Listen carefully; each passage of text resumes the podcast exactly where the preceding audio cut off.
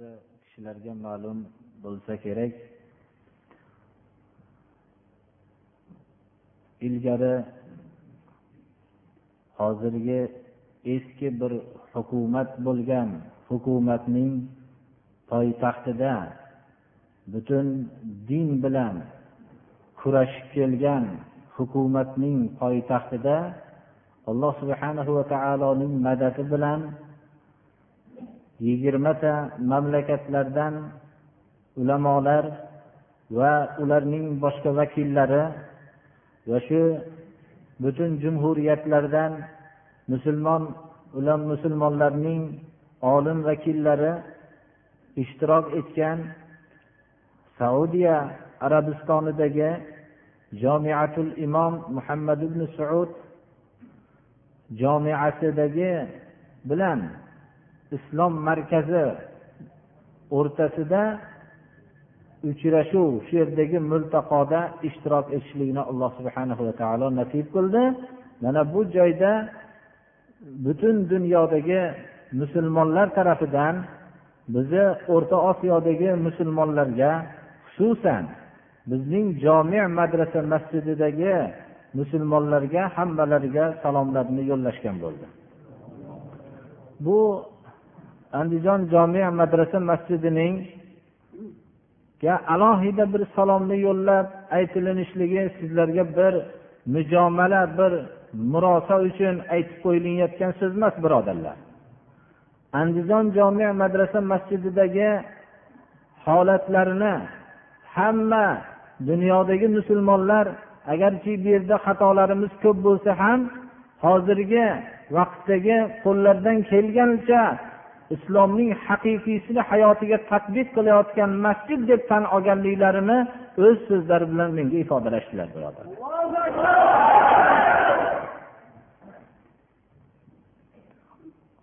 Alloh subhanahu va taoloning bir qudratini shu yerda bir doim bir ollohni qudrati hammamizga ma'lum bo'lsa ham butun dinni yo'qotishlik uchun markaz bo'lib turgan joyda islomni qanday qilsak rivojlantiramiz ekan degan haqdagi o'tayotgan bahslarni ko'rib ollohni qudratini bir namoyon bo'lib turganligini guvohi bo'lib turdim birodarlar. Shu multaqo munosabati bilan shu yerdagi bahslarni eshitishlik ta'siri ostida alloh subhana va taoloning marhamati bilan shu tarafdan ham bizga ham bir boshqa atrof ulamolarni qatorida bizga ham bir bahs topshirildi. Shu bahsni o'qib shu yerda o'qigan bo'ldik. Shu yerdagi o'tgan musulmonlarning qizg'in bir o'tgan suhbatini ta'siri ostida ikkita g'ayri din bo'lgan odamning islomni qabul qilib e'lon qilishdi.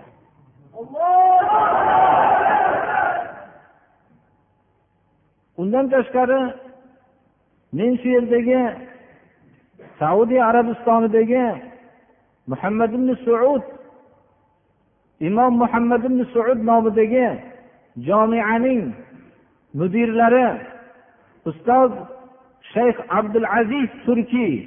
Bu kishini qanchalik bir tadbirli qanchalik bir katta olimlardan ekanligi juda ham bir makorimi axloq ekanligini shu yerda bir guvohi bo'ldimki bu kishi shu viloyatda shu multaqo uchrashuvni o'tkazishlikka u kishini olloh muyassar qildi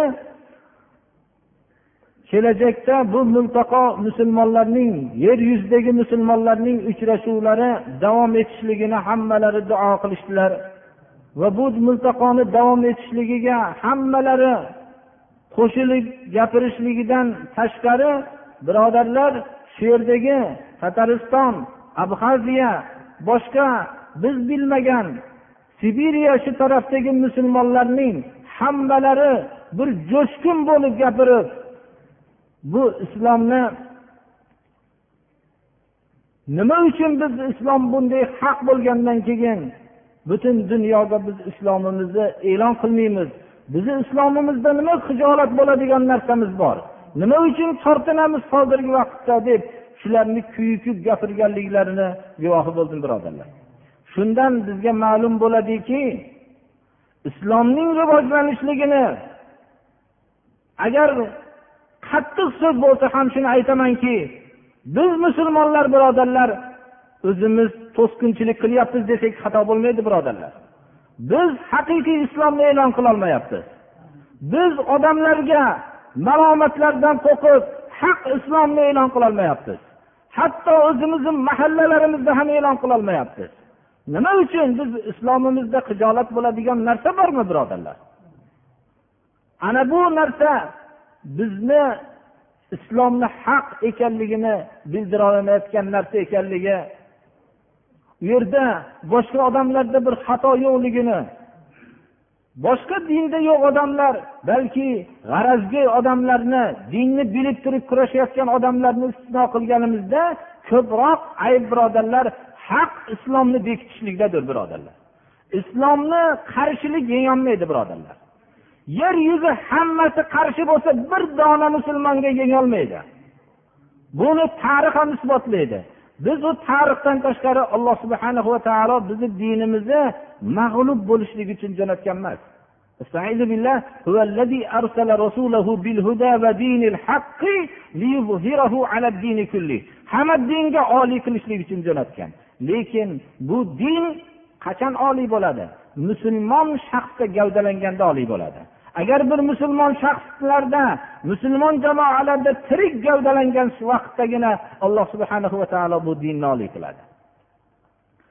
O'zini oliy yo'lidan o'zining pok yo'lidan tortinib hijolat bo'lib bu dinning nasihatlarini o'ziga tadbiq qila olmayotgan musulmonlar bilan din rivojlanmaydi. Yana takrorlab aytaman dinga qarshilik dinni sindirolmaydi buni agar musulmonlar bilmasa musulmonlarning dushmanlari yaxshi bilishadi birodarlar. Shuning uchun islomga qattiq qarshilik qilmaslikni tavsiya qiladi din dushmanlari. Nimaga? Agar qattiq qarshilik qiladigan bo'lsa islom rivojlanib ketadi deydi. Shuning uchun bularning masjidlarini ochib beraylik. Bularni vaqtincha oddiy oddiy narsalariga ruxsat beraylik. Haqiqiy islomni e'lon qilmaydigan kishilarni shu yerga o'rnatib qo'yaylik islom o'zi rivojlanmay qolaveradi deyishadi. Shuning uchun birodarlar takrorlab aytaman dinni dinga qarshilik qilgan odamlar yo'qotolmaydi. Qur'oni karimni yondirib qur'oni karimni uydan chiqqanlarni qatl qilib qur'oni karimni butun yer yuzidan yo'qotaman degan dushmanlar hisobsiz bo'ldi. Alloh subhana va taolo o'zi kafil bo'ldi bu dinni saqlashlikka. Shuning uchun dinni saqlash agar mabodo musulmonlarning xohishi bo'ladigan bo'lsa musulmonlar shu islomni o'zlarida gavdalantirishlari kerak. Hatto bu yerda hech buni aytmasdan o'tmaslik kerak. Yugoslaviyadagi musulmonlarning vakillari qatnashdi. Bu yerdagi bir olim yigitlardan bittasi turib gapirdi u yerdagi gap hammani yig'latdi birodarlar. Yugoslaviya deganda bu yerda turgan musulmonlar islom olami borligini bilishmaydi birodarlar. Lekin ularning islomi shundayki ularning o'qiyotgan qur'onlari shunaqa tajvidga muvofiqki arab olami ham hayron qoladi ularning arab tillarini bilishligi arablar birodarlarimizdan ham yaxshi gapirishadi. Ular islomga muhabbatlari shunday jo'sh urib turibdi. Bo'lib ham u kishining gaplaridan bir namuna shu bo'ldiki birodarlar ilgari yugoslaviyadagi hozirgi vayron qilinayotgan shaharlar islom shahari edi din shahari edi. U yerlar go'zallik shahari edi. Endi u yerlar qon shahari bo'ldi. U yerlar harob shahari bo'ldi. Ayblari la ilaha illalloh degan ayb bilan ularni qatl qilyapsiz. Bu salibiylar deb shu narsani e'lon qildilar. Oxirgi multaqoni tugatlanishligi ham bir yugoslaviyalik birodarimizning tilovati bilan tamom bo'ldi. Birodarlar bu tilovatni hech qaysi bir joyda men eshitgan emasman shunday yaxshi tilovat qilib berdilar. Biz ularga hech qanday biz yordam berolmayapmiz alloh subhana va taolo din islomni barqaror qilsin shu yerda shu dini islomga qarshi bo'layotganlarni islomning haq ekanligini tushuntirsin bildirsin. Agar bilishlikni xohlamasa olloh o'zi kifoya qilsin. Biz duo qilishlikdan boshqa qo'limizdan bir narsa kelmaydi ekan birodarlar. Faqat hozir bu yerdagi uchrashuvni shu diyorda bo'lib bizning diyorimizdagi peshvolarning mahrum bo'lib turganligiga ko'p yig'ladim birodarlar. U yerda shunchalik din yo'q bo'lgan joyda musulmonlar islomning g'amini qilib tursayu musulmonlar bilan masjidlar to'lib turgan joyda ular shu uchrashuvni o'tkazisholmasalar alloh subhana va taolo islomga yordam berayotganlarga yordam bersin. Alloh subhana va taolo islomni yo'lini to'sayotganlarni yo'lini to'sib qo'ysin va o'zlarini halok qilsin alloh taolo. Bu multaqodagi taassurotlar juda ko'p bir taassurotlarni o'z ichiga oladi. Bu yerdagi hammasidan ham ko'p ulamolarning bir ajib bir bahslari katta olimlarni. Alloh subhanahu va taolo hammalarini ham kelgan birodarlarni ularga ham qo'limizdan kelgancha bizni ahvollarimizni qisman bir bayon qilgan bo'ldik. Ular bu yerga kelganlari yana kelishga ko'proq tashna bo'lib qolganligini kelmaganlari ham kelganlardan eshitib nihoyatda bu diyorlarga kelib xususan bizni masjidimizdagi musulmonlar bilan bu yerdagi ahvollarning qo'llaridan kelgancha islomga muvofiq qilayotganligini ko'rishib juda bir xursand bo'lganliklarini eshitib bir ishtiyoqdaliklarini bildirishdilar. Shuni men eslatib qo'ymoqchimanki bu yerdagi musulmon birodarlarga birodarlar shu minbardan turilib mabodo islomga zid gap gapirilsa qabul qilmanglar mendan.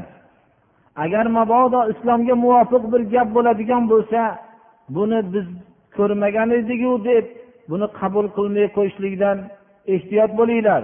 Chunki haqiqiy islomning bayon qilinishligi bizda hali biz bayon qilganimiz yo'q birodarlar.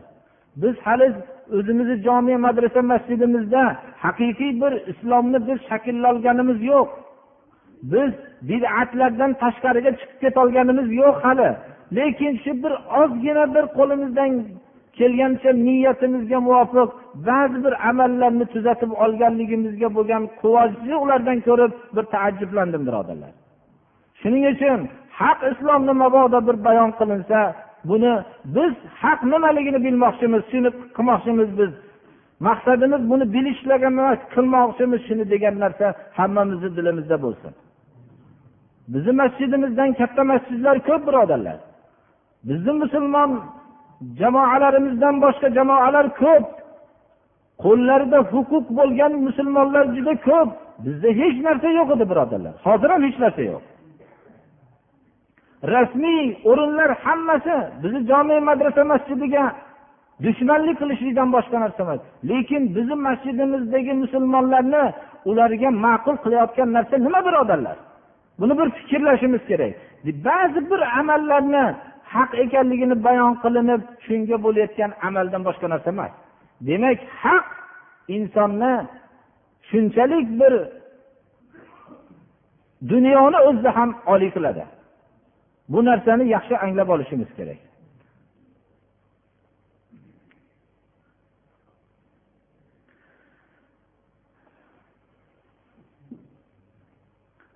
أعوذ بالله من الشيطان الرجيم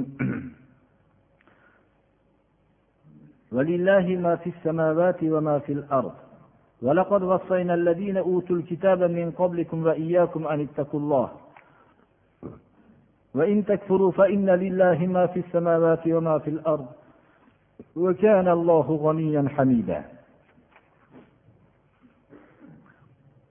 avvalgi darsimizda zaif ayollar haqida yetimlar haqida yatimalar haqida sizdan fatvo so'rashadi degan oyatni o'rgangan edik qur'oni karimda qaysi bir o'rinda ahkomlar zikri keladigan bo'lsa buyruq va nahiylar zikri keladigan bo'lsa koinoti yerdagi hamma narsa ollohning mulki ekanligini takrori keladi.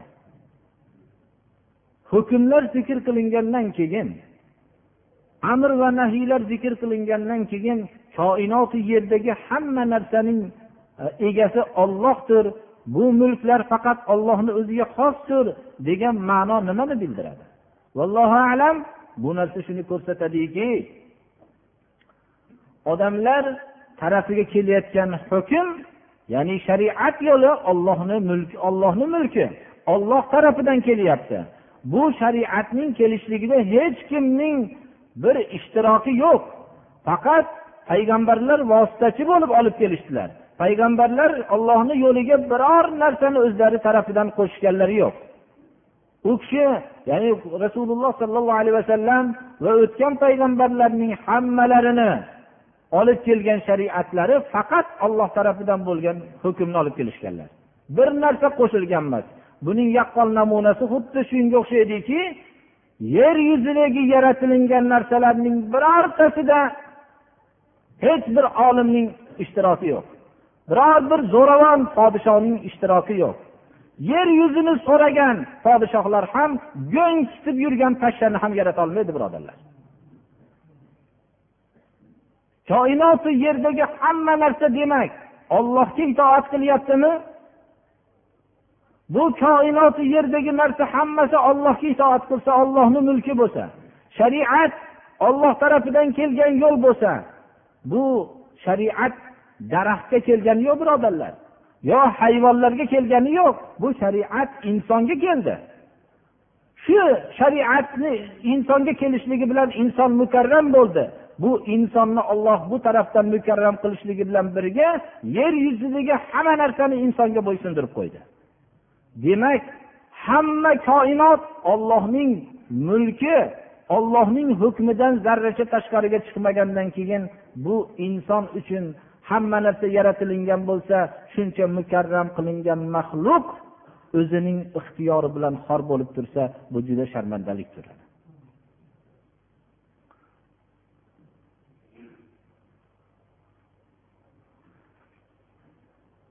demak yer yuzidagi yaratilingan narsalarga insonning hech qanday haqqi ham yo'q qudrati ham yo'q.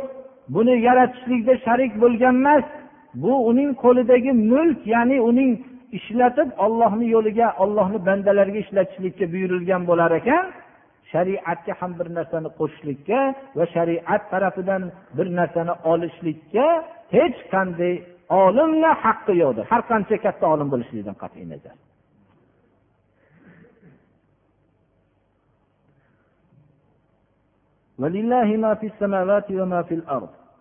koinoti yerdagi hamma narsa ollohning mulkidir ولقد وصينا الذين أوتوا الكتاب من قبلكم ولقد وصينا الذين أوتوا الكتاب من قبلكم وإياكم أن اتقوا الله alloh subhanahu va taolo aytyaptiki sizlarga va sizlardan ilgariga ahli kitoblarga biz vasiyat qilganmizki ollohdan qo'rqinglar deb ya'ni taqvo olloh buyurgandek harakat qilishlik Xuddi koinotdagi hamma narsa olloh buyurgandek harakat qilayotgandek insonning qilayotgan harakati ollohning buyrug'iga muvofiq bo'lmoqligi kerak.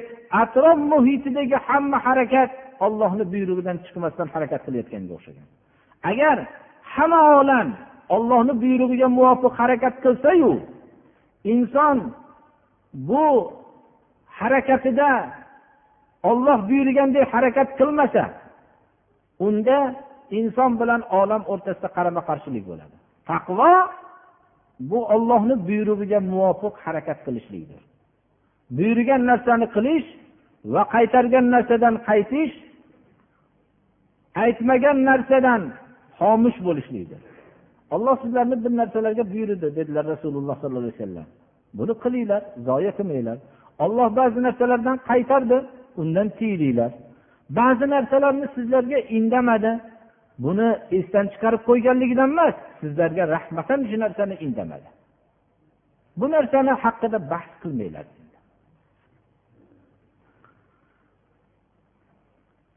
asli butun bashariyatga bo'lgan vasiyat taqvodir ollohdan qo'rqishlikka. Agar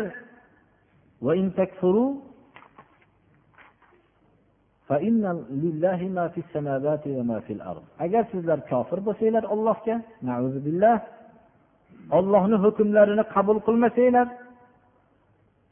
koinoti yerdagi hamma narsa ollohni mulkidir. Ollohga hech qanday sizlar zarar yetkaza olmaysizlar. Olloh sizlarning ibodatinglarga muhtoj emas olloh sizlarning aytayotgan hamdiylarga muhtoj emas olloh zotida maqtalgan zotdir. Yer yuzidagi hamma insonlar bashariyatning avvalidan tortib to qiyomatgacha bo'lgan bashariyat eng taqvoli kishilarning suratida ollohga ibodat qilsa ollohning mulkiga biror bir narsani qo'sholmaydi. Olloh ularning ibodatiga muhtoj emas. Yer yuzidagi bashariyat odam alayhissalomdan tortib to qiyomatgacha bo'lgan hamma insonlar eng fosiq buzuq odamning shaklida ollohni tanimasa ollohning mulkiga zarracha zarar yetkazolmaydi. Olloh ularning ibodatiga muhtoj emas ularning ibodat qilmasligi allohga zarar yetkazmaydi. Bu ibodat insonlarning o'zlarining manfaatidir. Bu bir kichkina biz oilaviy hayotimizda ham buni ko'rishimiz mumkin. Ota tarafidan aytilingan narsa bu faqat o'zini foydasiga aytilmaydi xususan bola go'dak bo'lgan yosh bo'lgan vaqtlarda. Faqat bolaning manfaati uchun bo'ladi. Lekin bolaning manfaati uchun bo'ladigan gap noto'g'ri bo'lishi ham mumkin buni esdan chiqarmasligimiz kerak. Shuning uchun ota onaga yaxshilik qilishlikka vasiyat qildi alloh taolo. Ota onaga itoat qilishlikka vasiyat qilmadi. Ollohga itoat qilishlikka vasiyat qildi. Ota onaga yaxshilik qilishlikka vasiyat qildi. Tushunarlimi? Ya'ni bu narsa shuni itoat faqat olloh subhanahu va taologa. Bir kishining buyrug'iga itoat qilayotgan vaqtingizda ollohning buyrug'ini aytayotganligi uchun itoat qilamiz. Asli ulul amr ish egalariga bo'lgan itoatning asl o'zi olloh rasuliga bo'lgan itoatdir. shuning uchun ham qur'oni karimda استعيذ بالله يا أيها الذين آمنوا أطيعوا الله وأطيعوا الرسول وأولي الأمر منكم kalimasida itoat ollohga itoat qilinglar va rasuliga itoat qilinglar chunki rasululloh sollallohu alayhi vasallam alloh subhanahu va taoloning shahodati bilan u kishi o'zlarining xohishlaridan gapirmaydilar Faqat alloh subhana va taolo tarafidan bo'lgan vahiyni so'zlaydilar shuning uchun u kishiga bo'lgan itoat asl itoat bo'lmoqligi kerak. U kishining so'zlari hammasi alloh subhana va taoloning tarafidan bo'lgan vahiydir ammo ulil amr kalimasining oldidachi itoat kalimasi yo'q. Va va ulil amr emas. Balki va ulil amr. Itoat kalimasi ulul amr oldida yo'q. Nima uchun? Ulul amr ish egalariga bo'lgan itoat asli itoat emas. Shartchiki olloh rasulining buyrug'iga muvofiq bo'lishligi bilan o'zining peshvosiga itoat qiladi.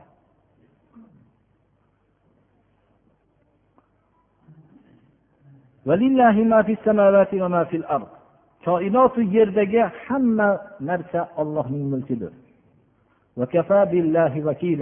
Olloh vakillikka insonga yordam beruvchi ekanlikka kifoya qiladi. Inson bu kalimani ko'p eshitishlikka muhtojdir.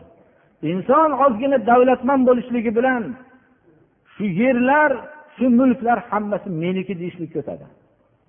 Inson tug'yon sabablik dunyo sabablik o'zini ollohning sifatlarini o'zida ko'rishlikni xohlaydi.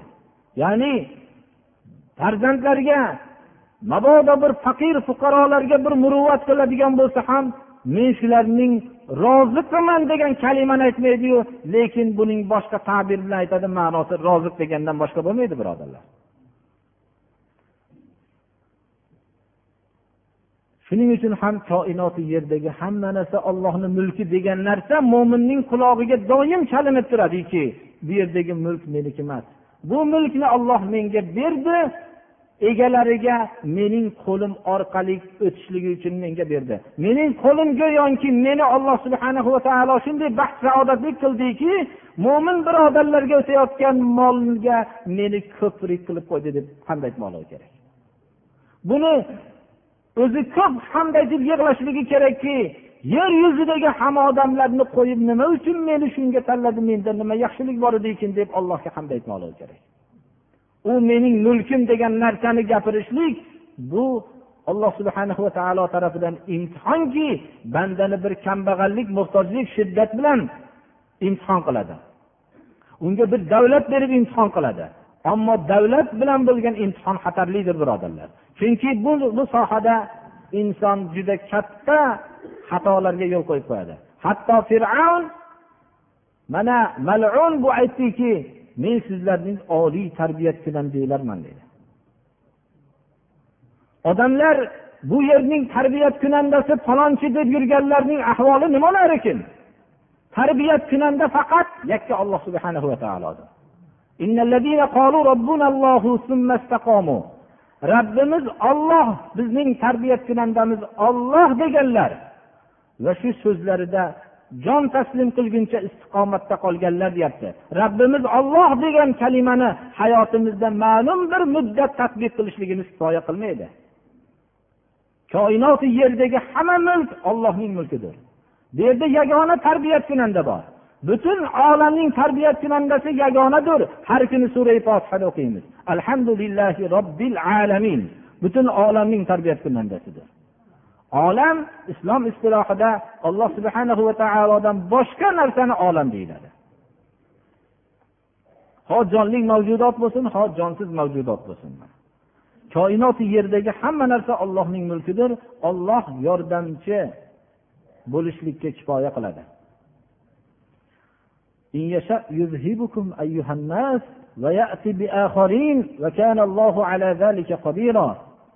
Agar olloh xohlasa sizlarni yer yuzidan yo'qotib tashlaydi.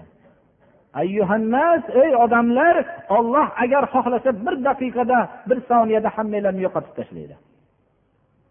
Sizlarni yo'qotib ollohga sharik qilmaydigan koinoti yerdagi hamma narsa ollohning mulki deydigan va ollohnigina tarbiya kunanda deb biladigan kishilarni olib keladi agar xohlasa. Olloh bu narsaga qodirdir. mo'min kishining tasavvurida doim bu tasavvur o'rnamoqligi kerak bu tasavvur biror daqiqa undan uzoq bo'lmasligi kerak من كان يريد ثواب الدنيا فعند الله ثواب الدنيا والآخرة وكان الله سميعا بصيرا kim dunyodagi savobni istayotgan bo'lsa ya'ni dunyodagi savob deb nimani aytamiz Qilgan mukofotini dunyoda ko'rishlik. Kim qilgan amalining dunyoda mukofotini ko'rishligini xohlasa shuni yaxshi bilib qo'ysinki ollohni huzurida dunyoni maqtovi ham bor ya'ni dunyodagi mukofot ham bor oxiratdagi mukofot ham bor. Ikkovi bor. Ya'ni bir kishi bilsaki bir joyda ham dunyoda beriladigan mukofot bo'lsa ham oxiratda berilsa bu qilgan amaliga bu mukofotni buni qo'yib ozgina bir muddatda bo'ladigan mukofotni ixtiyor qilishlik bu ochiq bir hamoqat nodonlikdan boshqa narsa emasdir. Ki bizning davrimizdagi aksari musulmonlar shu nodonlik kasaliga giriftor bo'lgan. Agar bir kishi ham o'ziga ham oilasiga bo'ladigan manfaat bir joyda bo'lsa uni har qanday qiyinchilik bilan qo'lga keltiradi birodarlar bu narsaga juda haris bo'ladi. Abadiy hayotda ham beriladigan mukofot ham dunyoni o'zida bo'ladigan mukofotga sazovor bo'lishlik mumkin. Mana shu mukofotni agar xohlasa alloh subhanahu va taoloning huzurida bor. Kim dunyodagi mukofotni xohlasa bilib qo'ysinki ollohni huzurida dunyodagi mukofot ham bor oxiratdagi mukofot ham bor. Olloh eshitib ko'rib turuvchidir. Yaxshi so'zlarni gapirgan bo'lsa yaxshi shariatga muvofiq so'zlarni gapirgan bo'lsa buni odamlar bilmayotgan bo'lsa olloh uni eshitib turibdi. Odamlar eshitmayotgan bo'lsa odamlar qulog'ini bekitib olayotgan bo'lsa olloh uni eshitib turibdi. Odamlar ko'rmayotgan bo'lsa agar yaxshi ishni qilayotganda olloh uni ko'rib turibdi. Kishilar bir yaxshilikni qilishadilarda biror shu jamiyatdagi bir kattaroq kishini bilib qolishligiga qalblarida bir orzu bo'ladi. Bu orzu modomiki inson bo'lar ekan shuni qalbiga keladi. Shunda uni bilib qolsa yoyinki shuni eshitganligini eshitganligini buni haq so'zni gapirganligini eshitganligini bilib shu odam haqni aytibdi desa yo haq bir amalni qilganligini savob bo'ladigan ishni qilganligini ko'rgan bo'lsa qanchalik quvonadiki shu katta odamni ko'rishligini inson orzu qiladi. Alloh subhanahu va taolo bir banda yaxshilikni qiladigan bo'lsa uni ko'rib turibdi. Biror bir yaxshi so'zni aytsa uni eshitib turibdi. Olloh eshitib ko'rib turuvchi. Agar buni mo'min tasavvur qilsa zaif bir inson yaxshi so'zni aytib turgan bo'lsayu odamlar yer yuzidagi hamma odamlar quloq solmasa ham hamma odamlar unga qarshi bo'lsa ham robbil alaminning eshitib turishligi unga kifoya qiladi. Biror bir yaxshilik qilsa odamlar uni hammasi yomon deb turgan bo'lsa bu amali yomon deb turgan bo'lsa uni sha'niga tuhmat qilib turgan bo'lsa olloh uning haq amalini qilayotganligini ko'rib tursa mana bu narsa kifoya qiladi. Bu aqllilik bo'lsa nodonlik yo'q menga ollohni ko'rib turishligi kifoya qilmaydi. Uni o'rniga shu odamlar ko'rsin bo'lib ham dinsiz odamlar ko'rsin degan narsa odamning qanchalik hamoqatini bilib qo'ymoqligi kerak. Odamlar hozirgi vaqtda qilgan amallarini ibodatda yo'q bo'lgan dinsiz odamlar dinsiz peshvolar ko'rishligini xohlab yuribdi.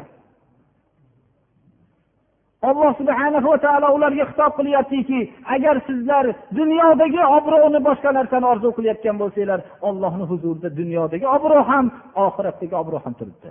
Birodarlar dunyodagi obro'ni istagan biror odam dunyoda obro' saqlandimi? Hammasi sharmanda bo'lib la'natlanib la'natxonada qolib ketdi. Qaysi peshvo ho dinga mansub bo'lsin ho dinga mansub bo'lmasin bular dunyodagi hamma ko'ksilarini butun alomatlarga to'ldirgan hamma dunyodagi obro' menga o'zimga xos bo'lsin degan dinsizlaru dindor bo'lib o'zini haqiqiy dinini tanimasdan dunyoviy obro'ni ixtiyor qilganlar qani qani obro'si? Ular hammasi la'natlanib qoldi shu dunyoda. Mabodo bir kishiga dunyodagi obro' kerak bo'lsa ham ollohni rozi qilishlikka harakat qilsin. Mana bu obro' qoladi. Bunga biz sanoqsiz misollar keltirishligimiz mumkin. Dunyodagi hamma kishilar tarafidan tuhmat qilinib butun dinga qarshi deb tuhmatlar qilinganlar muddatlari ozgina yashagan bo'lsa ham ular insonlarning qalbida muhabbatlari qoldiyu birodarlar. Tarixda boshlariga hamma tuhmatlarni yog'dirilib ularni qatl qilingan kishilar ham juda katta muhabbatlar bilan qoldiyu. Tarixda ularning nomlarini doim mo'minlar muhabbat bilan o'qishadilar mana. Buni biz misollarni son sanoqsiz aytganmiz birodarlar. Kimga dunyodagi oxiratdagi obro' kerak bo'lsa alloh subhana va taoloni rozi qilsin.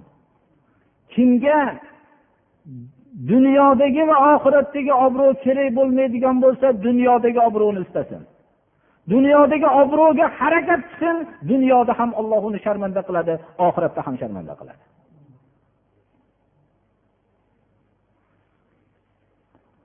Alloh subhana va taolo bizga mana bu yo'llanmalarni berdi birodarlar. Bu yo'llanmalar juda ham bizga oson yo'llanma. Kimga mana koinoti yerdagi hamma narsa ollohning mulki. O'tganu hozirgi millatlarga hammasiga olloh ollohdan qo'rqishlikni vasiyat qildi. Alloh subhana va taologa insonlar kofir bo'lsa koinoti yerdagi mulk ollohniki allohga hech qanday zarar yetkazolmaydi olloh ularning ibodatlariga muhtoj emas. Kimga dunyodagi va oxiratdagi savob martaba kerak bo'lsa ollohni rozi qilishlikka harakat qilsin. Ollohni buyruqlarini qilishlikka harakat qilsin. Odamlarga aytsin agar sizlar meni beobro' qilishlik sizlarning ixtiyoringlarda bo'lsa qilinglar hozir biror daqiqa menga muhlat bermasdan deyishsin xuddi hud alayhissalom aytgandek. Aytdilarki ey hud biz seni yomon qilamiz. Seni sharmanda qilib seni beobro' qilib tashlaymiz. Senga ko'p zararlar yetkazamiz degan vaqtda hud alayhissalomni iymonini qaranglarki dedilar. Yakka dunyoda turib aytdilar. Menga hozir bor tadbiringlarni ishlatinglar meni yo'qotib shu qilishlikka. Menga muhlat bermanglar senga uch kun to'rt kun muhlat o'zingni o'nglasang o'nglading bo'lmasam zarar yetkazaman deyayotganlarga qalbida iymoni mustahkam bo'lgan kishilar xitob qilsinki hozirdan muhlat bermasdan sizlar bor tadbiringlarni ishlatinglar desin ana hud alayhissalomni alloh subhanahu va taolo mana bu yerda aytyapti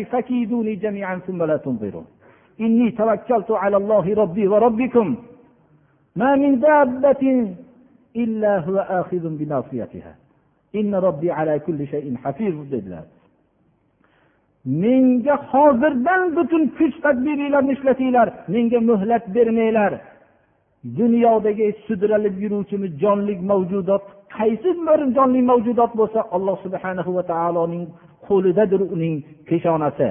Olloh har bir narsani saqlovchidir deb shunday dedilar birodarlar. Bu so'z inson qalbida ollohga qattiq bir ishonchi bo'lgan kishidangina hud alayhissalomga bunaqa iymonning bir ulushi nasib bo'lgan kishilargagina nasib bo'ladi. Mana rasululloh sollallohu alayhi vasallam hayotlarida shunday aytdilar birodarlar. Qani obro'siz qilib tashlayman degan abu lahablar. Butun la'natxonada qolib ketdi birodarlar abu lahablar.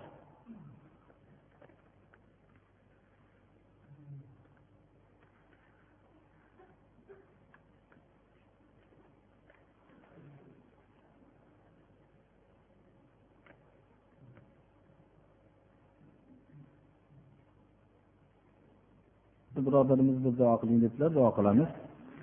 Bu yerda bir kishi savol qilibdilarki juma namoziga kelmagan kishilar jamoat bilan o'qiydimi yoki yolg'iz o'qiydimi deb shunday debdilar ya'ni bu birodarlar bu savollarni yana ko'p aytamizki islom hukmi barpo bo'lgandan keyin bir kishi jumaga beuzr keladigan kelmasa islom hukmi barpo bo'lgandan keyin bir kishi jumaga beuzr kelmasa bir dinor sadaqa qilsin degan hadislar bor. Bir dinor bu katta miqdor. Endi bizni hozirgi vaqtimizda bu juma qo'limizdan kelganicha bir bajarilayotgan amaldir birodarlar. Albatta bu katta savobdan xoli emas.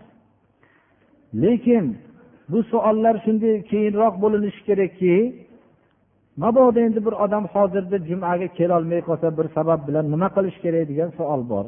Bir odam masalan jamoat bilan o'qisa hech qanday bunga zarar yo'q.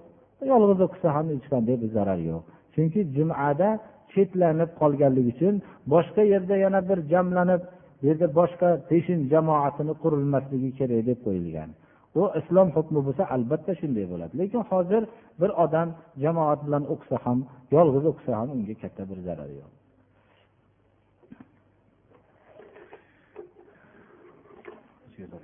Alloh subhanahu va taolo hammamizni ham hozirgi o'qilingan oyatdagi darslarga amal qilishlikka alloh tavfiq bersin.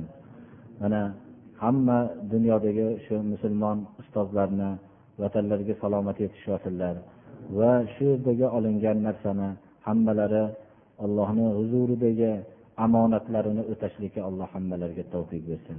Bizlarning diyorimizdagi musulmonlarni ham haq yo'lga yo'llasin haqni bilganlarni haqda barqaror qilsin malomatchini malomatidan alloh taolo o'zi saqlasin.